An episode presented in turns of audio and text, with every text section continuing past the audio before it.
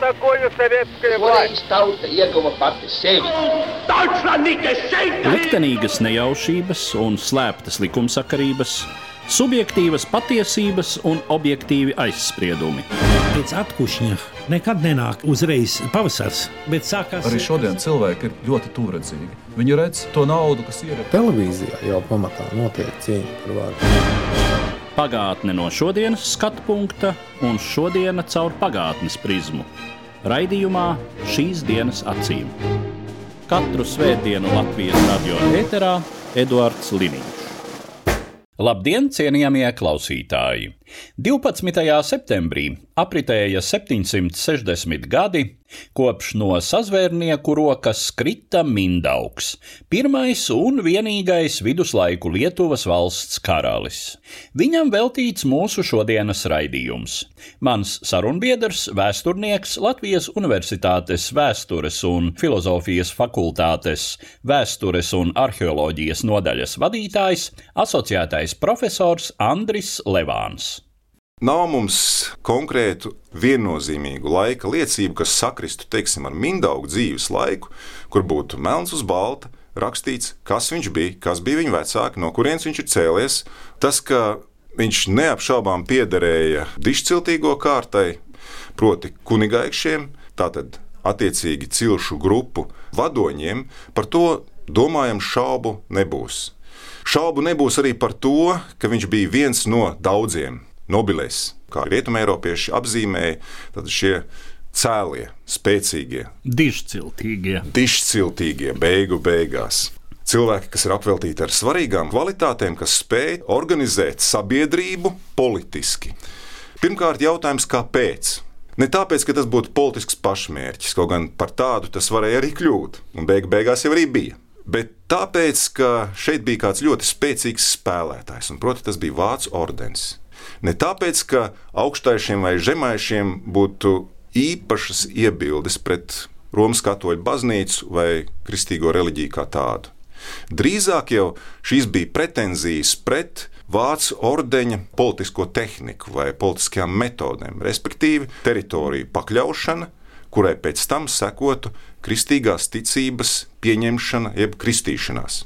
Arī nekas unikāls salīdzinot ar procesiem Rietumē Eiropā. Taču iespējams, ka šeit šī nepieciešamība veidot alternatīvu spēku, tādu, kas spēj bremzēt šo vācu ordeņa ļoti agresīvo pieeju, šāda nepieciešamība veidojās. Tātad politiska nepieciešamība. Un tas ir ļoti svarīgs jautājums, un diez vai es to spēšu atbildēt, ja to nav atbildējuši vēsturnieki pēdējos 50 gados, vai Lietuvā, kādā konkrētā sabiedrības grupā, veidojās politiskā griba, kas būtu izgājusi ārpus šīs grupas un aptvērusi populus, tautu. Bet tas, ka šāda atsevišķa personu grupa varēja eksistēt, par to liecina tas, ka tieši Mindaugs bija tā persona, kur izvirzījās priekšplānā, bet lietojot netīrus instrumentus. Tās bija politiskas slepkavības, tās bija intrigas, tās bija nodevības. Vismaz tā par to stāsta vēstures avoti. Mums atliek viņiem vai nu ticēt, vai neticēt.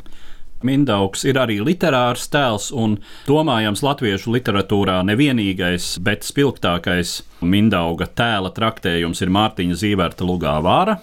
Autors liek Mindauga mutē frāzi, vai labāk ciltis negodīgi glābt, vai godīgi ļaut tām aiziet bojā. Minot literāru darbu, gribas domāt arī par 19. un 20. gadsimtā rakstīto vēsturi, kur vēsturnieki ir mēģinājuši nosaukt vārdā to, ko Mindaugs izdarīja. Tad bieži tiek lietots apzīmējums, viņš apvienoja Lietuvju ciltis. Tā vismaz raksta latvieši, un līdzīgi par to izsakās arī lietuvieši. Taču cik dīvaini tas skan, apvienoja Lietuvju ciltis apzīmējums. Apvienot, tas ir tāds pārdrošs politisks eifemisms, kurš liek aizdomāties par patiesajām norisēm.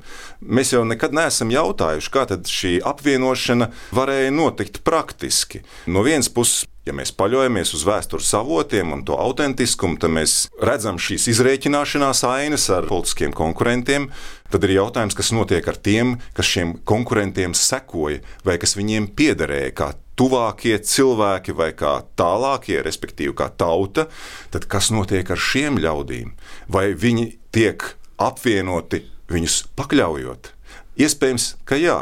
Domājot vispār par šo situāciju tā laika Baltijā, šīs saiknes starp pirmām kārtām latgaļu, sēļu, zemgaļu valdniekiem, vadoņiem un Lietuvu, katrā ziņā tie ir cieši kontakti veidojas arī radniecīgas saites. Ir skaidrs, ka tendence iekļaut savā varas areālā tuvāk esošās ciltis, Mindauga gadījumā aptver, protams, ne tikai tagadējo Lietuvu, ne tikai augstaišus un zemaišus. Ja Mindaugam šī spēka būtu bijis gana, un varbūt laika būtu bijis gana, tad iespējams, ka arī zemgale, sēlija, varbūt pat toreizējās latgaļu zemes nonāktu Mindauga varas sfērā.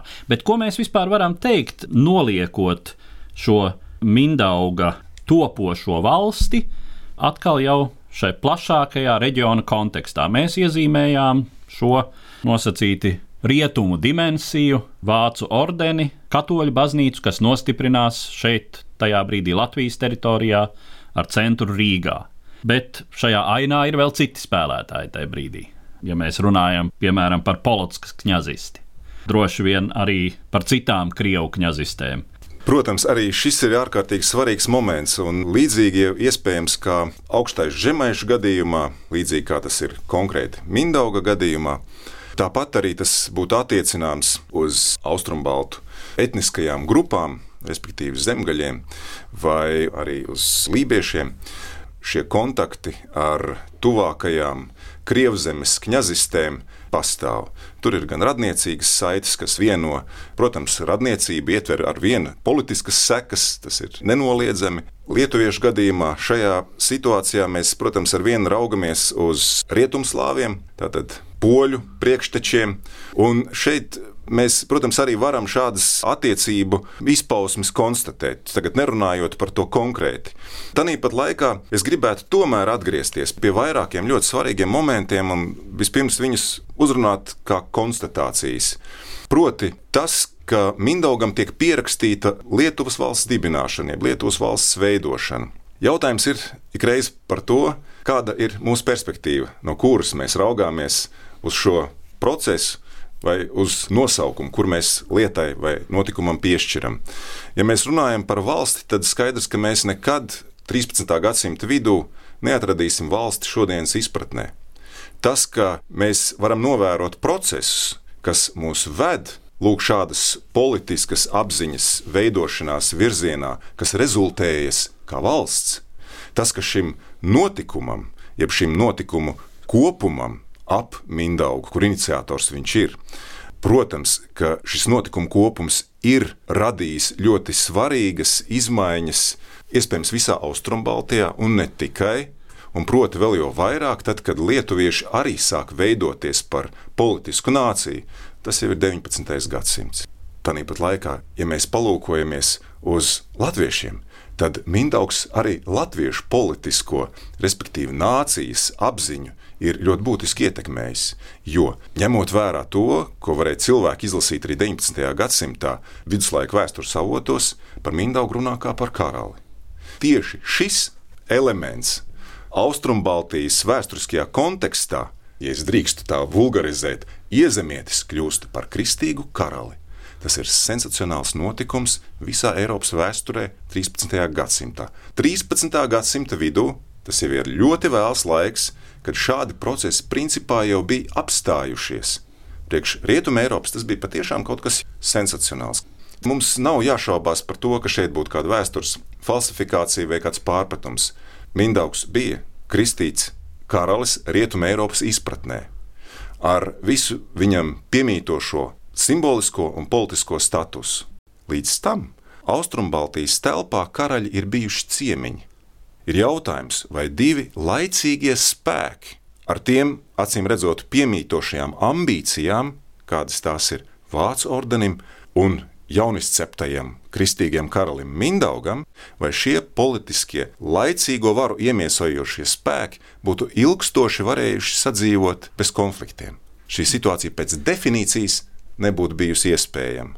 Par šo laicīgo varas sfēru sadalīšanu, kuri tad ir tie apgabali, kurus Mindaugs it kā uzdāvina Vācu ordenim, jo es saprotu, ka šeit ir runa par pašreizējās Latvijas teritoriju. Ir dažādi.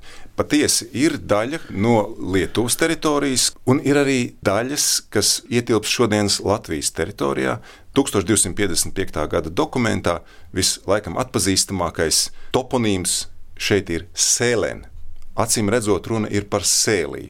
Protams, spekulatīvi ir par cik lielu daļu no sēļu apdzīvotās teritorijas. Jo, kā mēs zinām, viena daļa sēlijas ietilpa arī Rīgas biskupijā, pēc tam, kad Zemgales biskupija tika likvidēta 1230. gados.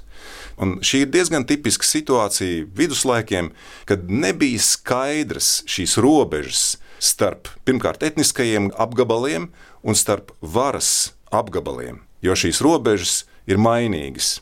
Iespējams, ka runa ir šajā gadījumā par konkrētu status quo 1255. gadā, kurš iespējams jau pēc brīža bija izmainījies. Ja mēs domājam par mūsu priekšstatiem par to, kādas attiecības ir tiem, kurus mēs saucam par senu latviešiem, tātad šīm ciltīm, no kurām vēlāk izveidojas latviešu nācija, un apkārtējiem politiskiem spēkiem, rodas jautājums, uz kāda pamata tad Mindaugs, augstaišu kunigaitis, dāvina sēļu zemes. Ziniet, šeit man acīm redzot, ir jādomā par to diezgan izvairīgo attieksmi šajos jautājumos, kāda ir vērojama modernajā historiografijā tieši 20. gadsimtā, un, protams, arī 21. Jo tieši šis jautājums, arī minētā termina sēlēna gadījumā, jeb sēlijas gadījumā, viņš nav viennozīmīgi skaidrs. Mums nav skaidrs tas, kādas ir bijušas šīs attiecības. Mēs varētu vienīgi spekulēt par to, ka šis politiskās telpas sadalījums tajā brīdī ir bijis cits, nekā mēs to šodien varbūt gribētu iedomāties. Mums šodien ir saprotams, ka Sēlī tā ir Latvijas teritorija, bet iespējams, ka arheologi varētu parādīt, ka šis ir bijis etniski jaukts apgabals, kur ir bijuši dažādu etnosu pārstāvji. Un 13. gadsimtā par to šaubu nebija, par kurām teritorijām Mindaugs runā, bet mums šodien šaubas ir, jo mēs nezinām, par ko viņš īsti runā. Robežas veidojas daudz vēlāk, tad, kad veidojas Lietuvas lielkņaziste 14. gadsimta otrajā pusē, pēc Jagaļa kronēšanas par Lietuvas, pēc tam Lietuvas polijas karali. 15. gadsimtā veidojas šī jau diezgan reālā robeža. Vienā pusē ir Livonijas ordenis, otrā pusē ir Polijas karalis. Ir zināms tas, ka ap 1251. gadu Mindaugs varēja kļūt par kristieti. Precīzs gads un precīzs diena mums nav, diemžēl, zināmi.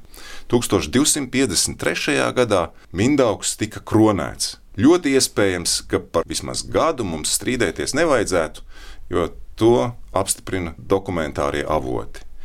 Vai tas ir noticis 6. jūlijā, kā to grib lietuviešu vēsturnieki? Iespējams, mēs strīdēsimies. Tāpat laikā lietuviešu nācijas, es domāju, modernās nācijas, vēsturiskajā apziņā 6. jūlijam ir ļoti svarīga nozīme, jo 6. jūlijas ir arī Lietuvas valsts dibināšanas diena, un tas ir tieši saistīts ar Mindauga kronēšanas dienu. Diemžēl nav neviena vēstures avota, kurš viennozīmīgi un skaidri pateiktu, ka runa ir par 6. jūliju ja mēs paraugamies ļoti konkrēti uz vēstures avotiem, tad uh, mēs redzam, ka 1253. gada vasarā notiek arī vairāki dāvinājumu akti. Proti, jaunās tikko dibinātās Lietuvas karalistes teritoriju atsevišķu daļu dāvinājumu Vācu ordenim. Šādā veidā tiek apliecināta no vienas puses sabiedroto attiecības starp Lietuvas karali un Vācu ordeni, no otras puses mēs varētu domāt, ka ne jau bez Vācu ordeņa piekāpšanās bija iespējama šī kronēšana. No otras puses, mēs redzam, ka 1253. gada, iespējams, vasarā, ir notikusi kāda ļoti svarīga privilēģija došana no jaunā karaļa puses. Proti, brīvas tirdzniecības privilēģiju saņēma Rīgas tirgotāji un visi vācu tirgotāji, kuri tirgojas Rīgā un Lietuvas karalistē. Un tam līdzīgi tātad par brīvu tirgošanās iespēju Lietuvas karalistē. Tas ir ļoti svarīgs politisks akts. Un atkal gribas jautāt, Kāpēc Mindaugs to dara? Proti, viņš pasakas šajā dāvināšanas apstiprinājuma dokumentā mūsu mīļajiem, uzticamajiem Rīgas tirgotājiem. Šī ir diezgan tipiska frāze, kura nav vienkārši tikai vārdi, bet aiz tā visa slēpjas nauda. Un proti, lai varētu notikt kronēšanas ceremonija, kas, ticiet man, ir ļoti dārgs pasākums. Ja viņam vēl ir laulātā draudzene, un Mindauga gadījumā tā tas arī ir, tad bija vajadzīgi divi kroņi, bija vajadzīga visa attiecīgā atribūcija, kas ir svarīga tieši šī ceremoniāla izpildīšanas laikā. Tiem ir jābūt arī viesiem un citiem cilvēkiem, kas vienkārši veido nu, teiksim, tā, šo publiku, kura piedalās kronēšanā un tādējādi vēlāk var apliecināt tā autentiskumu. Nu, būtībā tas ir pirmām kārtām starptautiski tiesisks akts. Tas un... ir starptautiski tiesisks akts, pie tam Šajā gadījumā, ja Mindaugs ir devis šo brīvas tirdzniecības privilēģiju Rīgas tirgotājiem, tad mums ir jāprasa, kāpēc tas notiek. Mana atbilde ir tāpēc, ka Mindaugam acīm redzot, un tuvāk esošajām personām, kas bija ieinteresētas šajā procesā, naudas nebija, lai varētu finansēt šo ļoti svarīgo procedūru.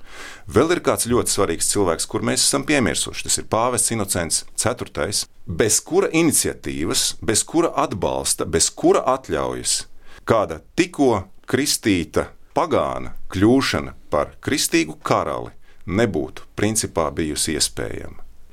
Diemžēl historiografijā ir izplatījušies vairāki, sauksim viņus par mītiem. Tas, ka Vācu ordeņa mestrs ir bijis tas, kurš ir kronējis, tas, ka ir kulmas bīskaps kronējis attiecīgi Mindaugu par karali, bet ja mēs zinām, kā notika viduslaikos karaļu kronēšana, tad neiespējami ir, ka viens vācu ordenis, monastiski, militāras organizācijas vadītājs ir tas, kurš kronē Tieši tāpat neiespējami ir, kad baznīcas hierarhijā zemu stāvošs vienkāršs biskups kronē kādu par karali. Tas, kurš to drīkst darīt, kam šādas kompetences pēc definīcijas piemīt, ir tikai kāds, kurš baznīcas hierarhijā atrodas krietni augstu. Šeit mēs redzam tikai vienu vienīgu figūru. Tas ir vēlākais Rīgas arhibīskaps Alberts Zūrbērs, kurš tajā brīdī ir Livonijas Prūsijas arhibīskaps ar tikko iegūtu rezidenci Rīgā 1253. gadā. Un lūk, iedomājieties situāciju, cik svarīgi ir šim arhibīskapam, kurš ir gaidījis, kad Rīgas biskups Nikolais nomirs, lai atbrīvotos vieta, kuru viņš drīkst ieņemt un pasludināt Rīgu kā garīgo un politisko centru šai Livonijas, Prūsijas arhibīskapijai, tad iedomājieties, cik svarīgs, kā simbolisks akts ir tas, ka šajā politiskajā centrā notiek kronēšana. Protams, šeit es nonāku krasā pretrunā ar to hipotēzi, kur pārstāv lietuviešu vēsturnieki, un kas ir modernajā historiografijā vispār izplatīta, proti tas, ka kronēšana esot it kā notikusi Vorutas pilī, kuras atrašanās vieta, diemžēl, ar vienu ir ļoti hipotētiska kaut kur Lietuvā. Bet kronēšana nevarēja notikt zem klājas debesis, kaut kur pie akmens, kaut kur pie avota. Šis ir kristīgs rituāls.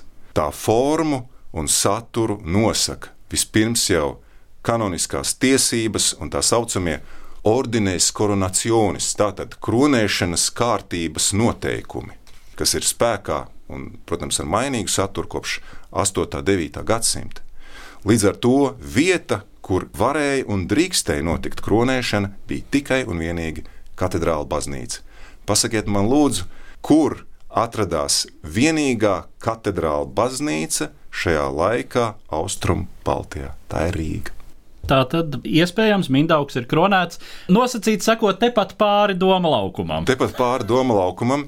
Tāpat laikā ir laikam diezgan droši, ka abi šie kroņi ir Rīgas zeltkaļu roku darbs. Tad vēlreiz es atgriežos pie jautājuma par naudu, par tirzniecības privilēģiju Rīgas tirgotājiem un par jaunā Rīgas arhibīskapa Alberta Zūrbēra ļoti svarīgo lomu.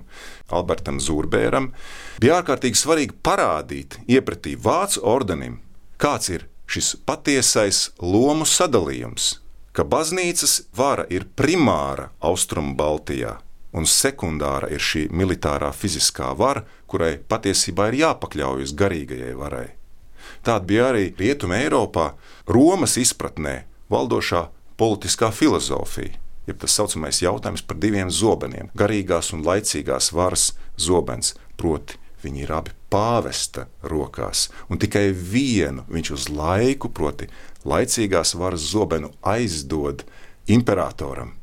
Ja mēs izējām no situācijas, ka Mindaugam bija svarīgi kļūt par pirmo personu, ne tikai lietuviešu starpā, bet simboliski arī vienu no pirmajām personām blakus Rīgas arhibīskapam, šajā gadījumā Baltijā, tad, protams, viņam bija jāsadzīvo ar Vācu ordeni. Viņam bija vajadzīgas labas attiecības. Tas, ka tas bija grūti, par to es negribētu šaubīties, jo nevelti drīz vien šīs mierīgās līdzās pastāvēšanas attiecības izvērtās konfliktos. Par to runā arī vecākā atskaņu kronika, kas, protams, Mindaugu kā figūru stipri idealizē, tēlo kā vācu ordeņa sabiedroto. Jo tādā veidā, protams, vācu ordenis varēja leģitimēt lūk, šos teritoriālos ieguvumus, šo labo attiecību vārdā ar Mindaugu.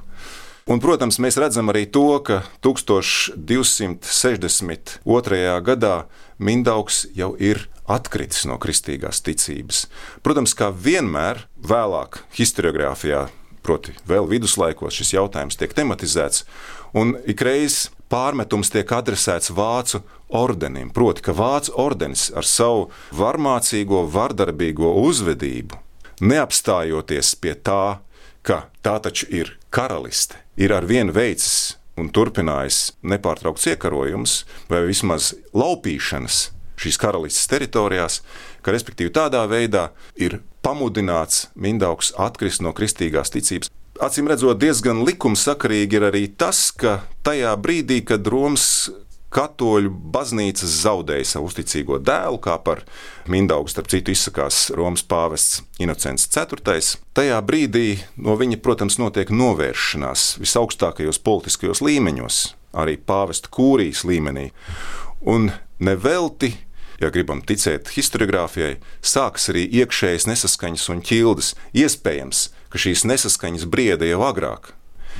Ar Mindaugu mēs finālā redzam, notiek tieši tas pats, ko viņš ar saviem priekštečiem izdarīja. Viņus slepus nogalinot. Tieši tāpat arī viņš krita no kāda savu sāncenša slepus veikta dūriena. Tātad nevelti šajā kapa plāksnē, kas tika atrasta, domājams, 17. gadsimtā vai 18. gadsimtā, tiek rakstīts okisus, respektīvi nogalināts par šo odiozo mītiem apvīto kapu plāksni, kurā ir iegravēts 1263. gada 12. septembris, nav šaubu, ka šī plāksne ir brīnišķīgs viltojums tās radītā mīta dēļ, bet ļoti rupšs un paviršs viltojums pēc izpildījuma. Šī kapu plāksne tika atrasta Aglonā. Tas jautājums, protams, vēl nav līdz galam izdiskutēts, kāpēc tieši Aglona. Tas būtu drīzāk saistāms ar viņas sievas nāvi 1262. gadā, proti, Martas nāvi. Bet, protams, kā zināms, Mindaugam viņa nebija vienīgā sieva, jo kaut viņš bija kristīgs karalis. Ir zināms, ka viņam ir bijušas vairākas sievas, līdzīgi kā daudzsievība vispār ir bijusi izplatīta senajā Lietuvā, tāpat arī senajā Kurzemē un iespējams visā Austrumu Baltijā. Tātad 1262. gadā mira Mindauga, viena no sievām, bet gan oficiāli kronētā karaliene Marta, kura it kā esot izteikusi vēlēšanos, lai viņu apglabā Latgalē, viņas tēva īpašumu vietās, un tā esot atradusies laikam tur, kur šodien ir Aglona. Protams, visi šie stāsti par to, kur un kāpēc, nav radušies viduslaikos, bet viņi radušies 17. gadsimtā. Viņu autors ir kāds Johannes Rīvijus, Lutāņu mācītājs. Kāpēc viņš to ir darījis, tas ir atkal jau cits stāsts. Viņš ir arī viens no tiem, kurš runā par to, ka ir lūk, bijusi šī slepkavība, un viņš ļoti labi zina, kurš ir piedalījies šīs slepkavības veikšanā un kādos apstākļos tas ir noticis un kurā datumā tas ir noticis. Un ļoti iespējams, ka balstoties uz šī Johannesa Rīvijas eh, stāsta, ir radusies arī šī kapa plāksne, kur mums nezināmu apsvērumu dēļ pēkšņi kādus gruvešus novācot, ir atradusies šodienas Aglonas baznīcas teritorijā. Un, protams, kā jau katrs viltojums, viņam ir jāpazūd, lai saglabātos mīts, bet mums ir pārzīmējumi, jeb novilkumi no šīs kapu plāksnes saglabājušies vairākās 18. un 19. gadsimta publikācijās, ka šis ir viltojums, liecina uzraksta izpildījums. Viennozīmīgi rāda, ka tās nav tās rakstu zīmju formas, kuras tika lietotas 13. gadsimtā vai pat 14. gadsimtā. Kas tad notiek pēc tam, kad Mindaugs tiek noslepkavots? Kas notiek ar Lietuvas valsti? Ja mēs varam ticēt tiem vēstures avotiem, kas reflektē šos notikumus no nosacīti tuvas laika distances, tad sākas jukas, sākas strīdi starp kunigaišiem, kuri katrs grib būt pirmais, un katrs kaut kādā veidā grib atdarināt vai sekot Mindaugam. Tas, ka Vācu ordenis tajā brīdī atbrīvojās no ļoti nopietna, nevēlama politiska sāncenša, es domāju, ir skaidrs. Vācu ordenis atkal varēja leģitimēt savu eksistenci, savu pastāvēšanu un savu darbību. Proti, ka Vācu ordenis ir tas, kurš aizstāv kristīgo baznīcu pret pagāniem, jo Lietuva atkal bija pagāniska. Spēle sākās no jauna. Kas notiek vēlākos gadsimtos, ja mēs pārskrienam pāri notikumiem, mēs redzam, ka nekur neparādās atsauce ne Bartolomeja Honekas kronikā, ne Citās 14. gadsimta kronikās neparādās norāde uz to, ka Mindaugs bija pirmais karalis un ka kāds būtu gribējis viņa pēdās sekot un deklarētu vai redzētu sevi kā Mindauga pēcteci. Pat Jagēlo, jeb Jagailis, kurš 14. gadsimta beigās, 1386. gadā, tiek kristīts un kronēts par Lietuvas karali, un vēlāk par Polijas Lietuvas karali laulību ceļā. Pat viņš neredz sevi kā Mindauga pēcteci. Tad Mindaugs nav šis absolūti izšķirošais faktors politiskajā domāšanā 14. un 15. gadsimtā. Tas, ka Mindaugs tiek pieminēts un viņu atceras viduslaiku historiografijā, un ka viduslaiku polijas vēsturiskajā atmiņā Mindaugam ir svarīga vieta. Jans Ļugošs, poļu pirmais vēstures autors, šajā gadījumā ir ļoti daļrunīgs un, es domāju, arī pietiekoši konkrēts un saprotams, jo viņš rāda, kāda ir Mindauga vieta šajā politiskajā apziņā tajā brīdī, 15. gadsimta otrajā pusē. Mindaugs ir svarīgs, bet viņu nesasaista dinastiālā nozīmē ar Lietuvas polijas karaļiem. Ko mēs varētu īsi rezumējot mūsu sarunu teikt par Mindauga lomu un nozīmi? Vai tā ir epizodiska un vēlāk kļuvusi par simbolisku, vai cik lielā mērā tomēr ir pamats teikt, ka tas ir pirmais akmens Lietuvas valsts būvē? Es domāju, viņš ir svarīgs Pirmkārt, konkrētajā vēsturiskajā situācijā un šajās politiskajās konstelācijās, kādas ir izveidojušās ap 1253. gadu Austrumbaltijā, tajā brīdī, kas ir ļoti svarīgs laikmets arī visā Rietumē Eiropas politikā. Es domāju, ka tā ir epizode viduslaiku vēsturē, uz kuru atsaucas politiski motivētas atsauces ar konkrētu mērķi veidot, formēt vēsturisko apziņu, veidot politisku nāciju, meklēt politisku identitāti, nācijas identitāti. Šādas sasaistes tiek meklētas un veidotas tikai 19. un 20. gadsimtā. Un tik tālu, protams, no šāda skatu punkta raugoties uz konkrēto notikumu, mēs redzam, ka Mindaugs un ap viņu esošie notikumi ir ļoti svarīgi lietuviešu nācijas izveidē, un tāpat arī latviešu nācijas izveidē 19. un 20. gadsimtā. Katrai figūrai, katram politiskam censonim, katram ļoti zīmīgam vēstures personāžam mēs varam piešķirt to nozīmi, kuru mēs vēlamies. Tāda ir mūsu privilēģija no mūsu laika perspektīvas raugoties uz pagātni. Ar tādu secinājumu tad es arī noslēdzu mūsu sarunu, kas bija veltīta viduslaiku Lietuvas valdniekam Mindaugam, un saku paldies manam sarunbiedram, vēsturniekam Andrim Levānam. Paldies! Katru svētdienu Latvijas radio viens par pagātni sarunājas Eduards Liniņš.